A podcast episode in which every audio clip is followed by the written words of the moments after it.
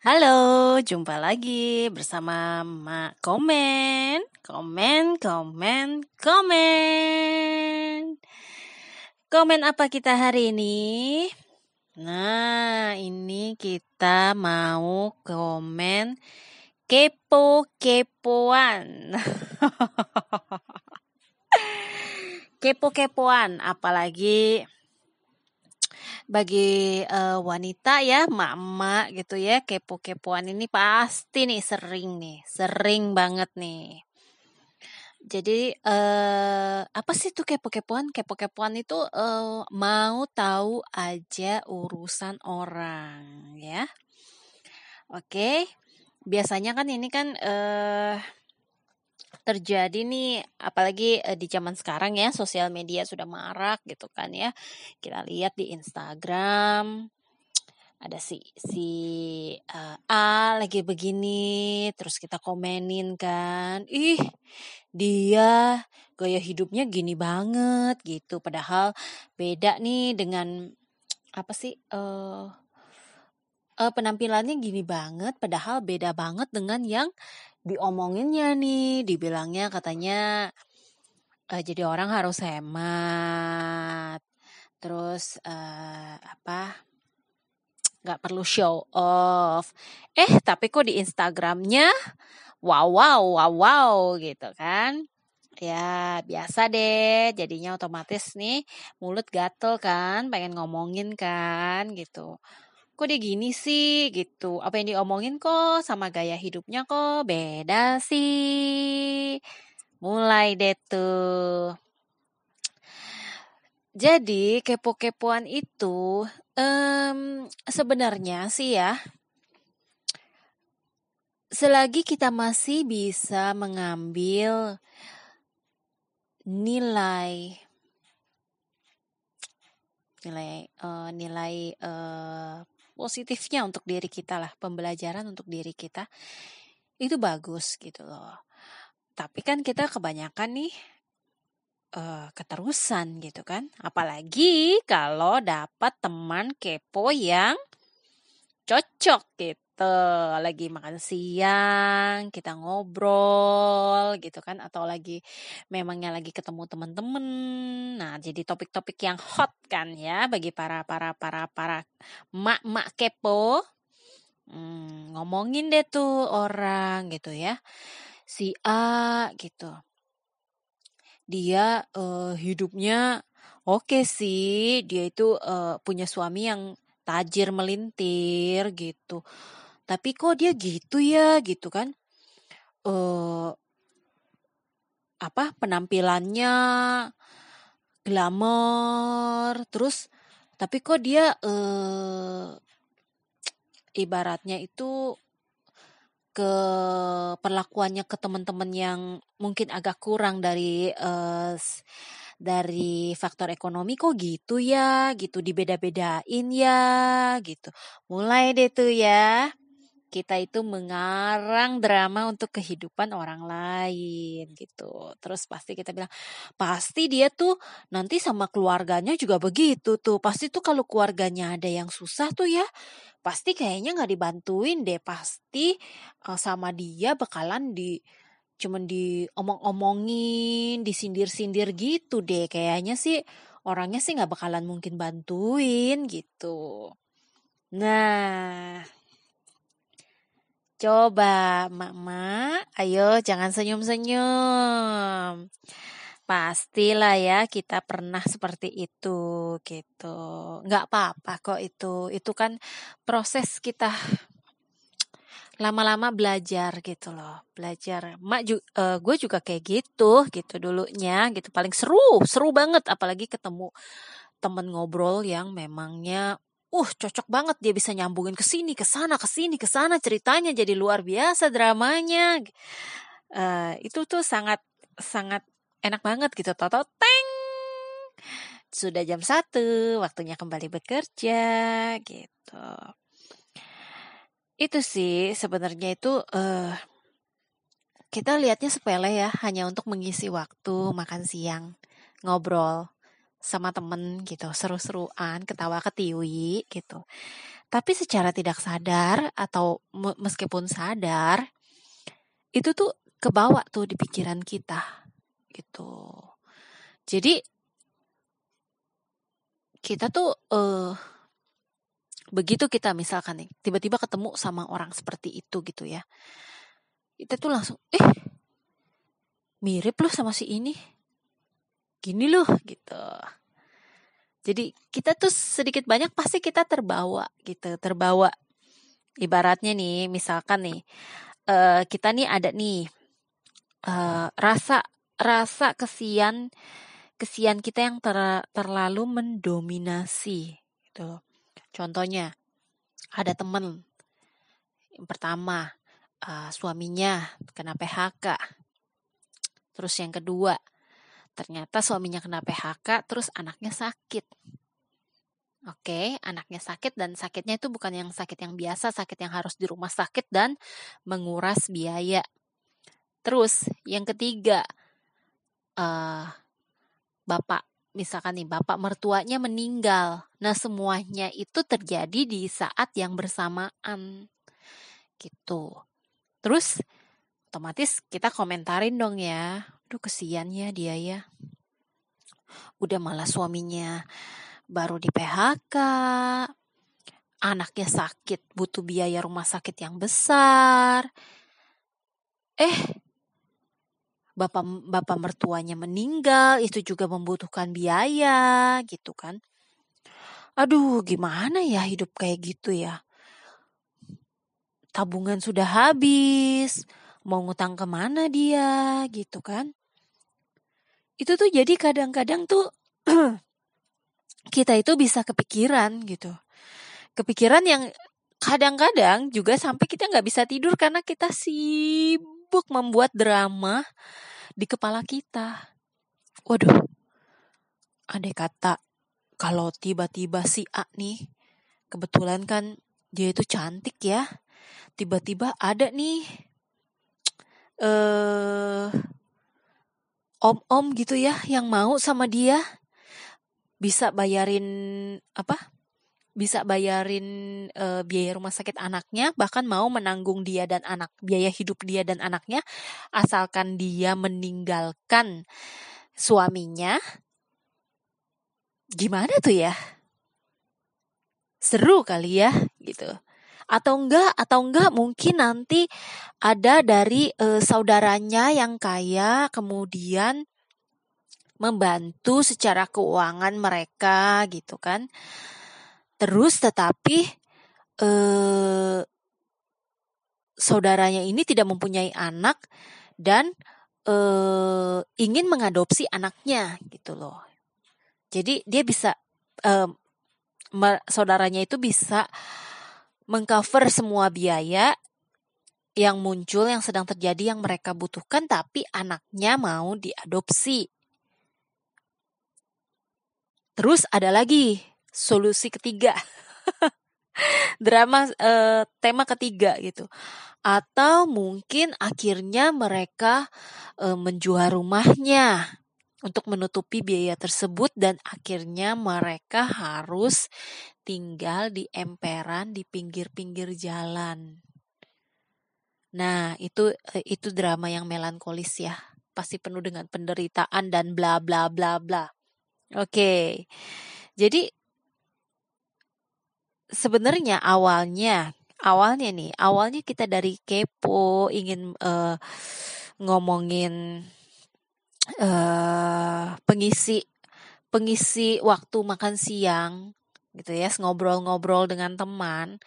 Jadi akhirnya kita membuat drama untuk topik tersebut gitu loh. Bagaimana kalau kalau situasinya seperti A ya, bagaimana nanti kalau situasinya seperti B ya, atau bagaimana nanti kalau situasinya C nih yang terjadi. Dan banyakkan sih sepertinya sih seperti itu gitu. Jarang ada yang ya kalau misalkan bisa disadari dengan cepat gitu ya, begitu selesai tank, jam makan siang selesai, op, sudah, jangan dipikirin lagi, jangan dibahas lagi, itu sudah selesai gitu. Tapi kan kadang-kadang ada yang di pastinya banyak kan akan terbawa gitu.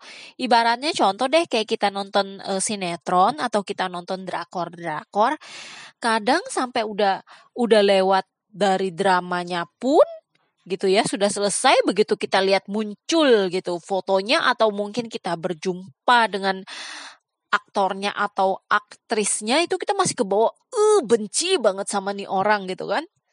Bener nggak ma, ma ayo bener kan? Kalau lihat dia tuh kayaknya aduh kenapa sih nih orang jahat banget gitu kan. Nyiksa orang bla bla bla bla bla bla di sinetron gitu. Kenapa tuh? Nah itu gitu loh. Jadi gue ini uh, mencoba untuk membatasi. Masih dalam proses belajar ya karena pembelajaran itu tidak akan pernah berhenti gitu. Masih tuh belajar untuk coba uh, membedakan gitu situasinya. Ini nih dramanya ini adalah dramanya si A nih. Si A yang lagi ngadepin. Ya udah gitu. Dramanya dia kita jangan bikin drama lagi. Tentang si A lebih panjang apalagi sampai menguasai emosi kita gitu. Misalkan si A lagi berantem nih suami istri gitu kan. Sementara kita dengernya kan hanya dari satu pihak misalkan kita temenan sama istrinya. Kita jadi belanya istrinya nih. Karena kan istrinya cerita versi menurut istrinya permasalahan mereka gitu. Jangan sampai nanti pada saat kita ketemu gitu ya, mereka uh, sekeluarga gitu kita kita yang jadi aneh gitu. Kita jadi benci gitu sama sama suaminya. Ih, suaminya bla bla bla. Ini suaminya gini-gini. Jadi kita nggak respect gitu loh. Nah, itu kan sedikit banyak mempengaruhi kita. Sebenarnya kan itu bukan urusan kita gitu kan. Mungkin untuk kita sekedar tahu atau aware misalkan nih Oke, si suami si A ini adalah orang yang tem temperamental gitu, mudah marah, mudah tersulut kemarahannya. Oke, nanti pada saat entah di mana kita berjumpa gitu ya, ya sudah kita say hi dan kalau bisa jangan terlalu banyaklah e, berbicara yang sampai bisa menyinggung perasaannya gitu. Jadi sekedar untuk tahu gitu. Jadi bukannya kita jadi antisipasi atau bahkan membenci gitu loh. Sehai aja kita nggak mau gitu. Oh, uh, buat apa gitu sehai sama orang yang pemarah gitu kan? Ya, ya seperti itulah gitu. Itu kan namanya uh, kekepoan kita itu yang akhirnya ujung-ujungnya menguras tenaga, waktu, dan pikiran kita gitu. Pasti sering dong apalagi nih yang sudah mempunyai pasangan hidup itu uh, ketemu masalah di kantor atau masalah uh, di mana lah di komunitas atau di apa gitu. Terkadang kan kita sharing, berbagi nih sama pasangan kita gitu. Uh, misalkan nih, eh eh kamu tahu nggak si ini tuh gini deh, mereka tuh gini gini deh, gini nanti kamu begitu gak sih sama aku? Loh, gitu biasanya sih kalau pasangan aku jadi malah bilang, di mak, kan itu kan dia yang begitu. Terus kenapa kamu sama-samain dia ke aku? Nah ujung-ujungnya malah jadi kita yang berantem gitu kan. Karena kita membawa situasi situasi dari luar kita bawa masuk dan apalagi kita coba berandai-andai gitu, berandai-andai, andai kamu seperti ini, andai aku seperti ini.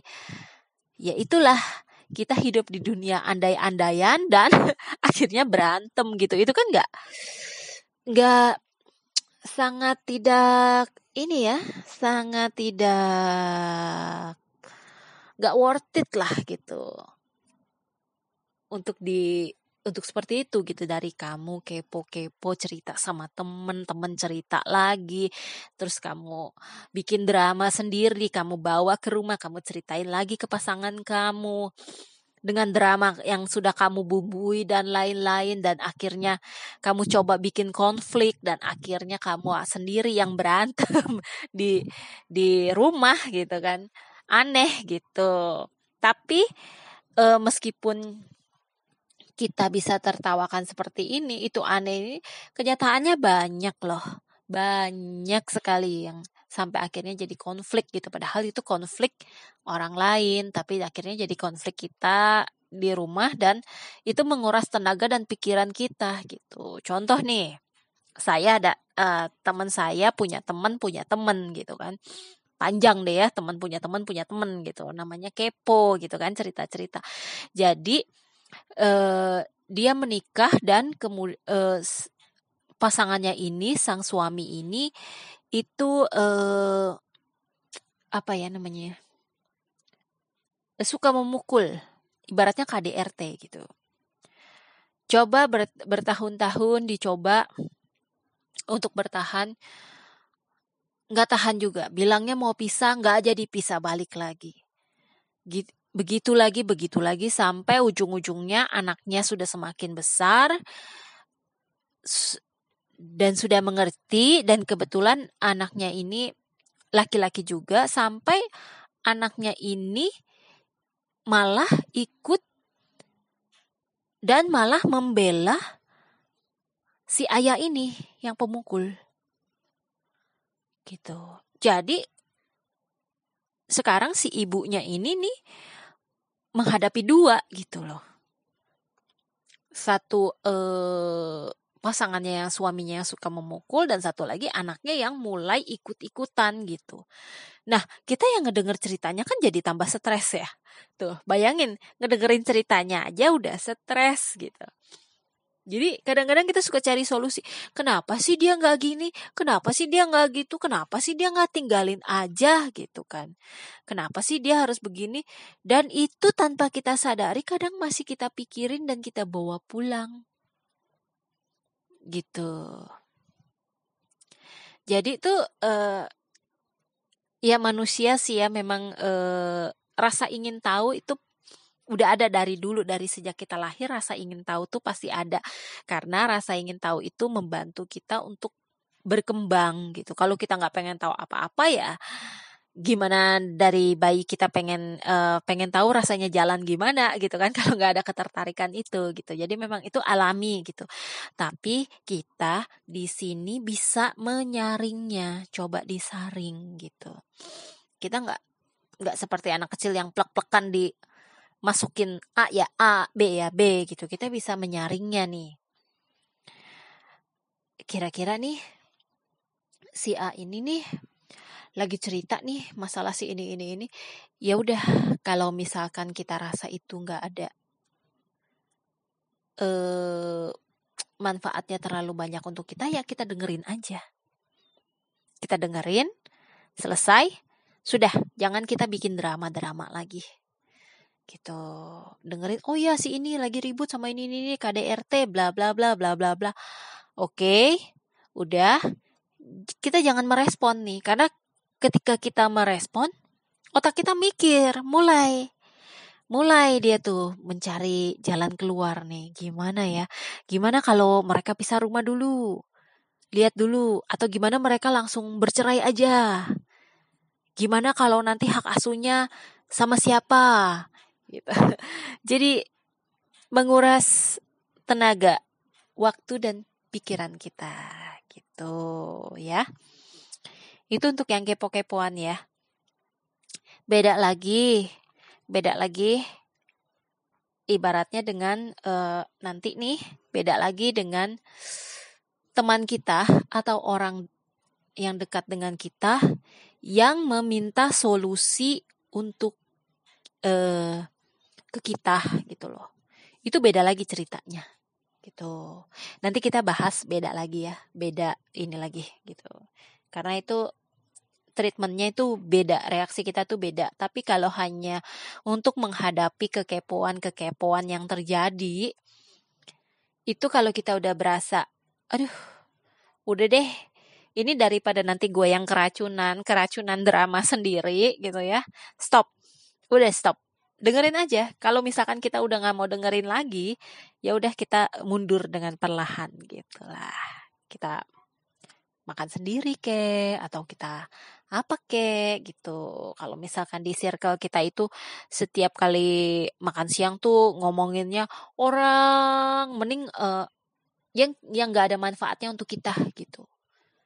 Yang manfaatnya sedikit bahkan lebih banyak efek negatifnya gitu. Karena kan kita ini gini pernah dicoba kan ya dua tanaman yang sama diberikan pupuk yang sama, diberikan air yang sama, sinar matahari yang sama. Yang satu dipuji-puji, disayang-sayang, uh, disetelin lagu yang bagus-bagus, sedangkan tumbuhan yang satu lagi dicaci maki, dikata-katain, dimasukin hal-hal yang negatif. Ternyata begitu kita lihat pertumbuhannya akan berbeda. Ya kan? Itu itu pasti deh. Udah udah banyak kok udah banyak kok yang yang nyoba gitu. Nah sama juga ke kita gitu. Karena kita sayang sama diri kita coba deh yang kita masukin itu adalah yang positif positifnya gitu. Tidak dipungkiri dalam hal yang negatif pun masih ada hal yang positifnya. Itu pasti gitu. Contohnya aja Misalkan kita membicarakan mengenai pencurian telah terjadi pencurian di rumah si A yang dilakukan oleh bla bla bla bla bla bla. Oke, jadi kita otomatis bisa lebih waspada lagi gitu kan yang positifnya kan. Tapi jangan sampai harusnya kita stop pada waspada, kita lanjutin lagi drama kita. Akhirnya kita jadi paranoid, ketakutan gitu. Mau ninggalin rumah kayaknya, aduh takut nih nanti kalau ada pencuri masuk bagaimana nih gitu. Nah, jangan sampai seperti itu ya. Gitu. Jadi kita harus bisa membatasi stop. Oke, udah sampai di sini kayaknya gue nggak bisa dengar terlalu sampai bagaimana karena kalau gue dengar sampai terlalu bagaimana nih terlalu banyak yang negatif yang masuk otak gue mikirinnya drama-drama yang buruk-buruk yang terjadi gitu gitu ya, mak-mak ya. Jadi mulai sekarang rasa kepo-keponya itu coba deh di uh, disaring-saring gitu, disaring-saring omonginnya yang seneng-seneng aja gitu kan. Jangan yang negatif-negatif gitu. Oke. Di sini dulu kita jumpa lagi berikutnya. Bye.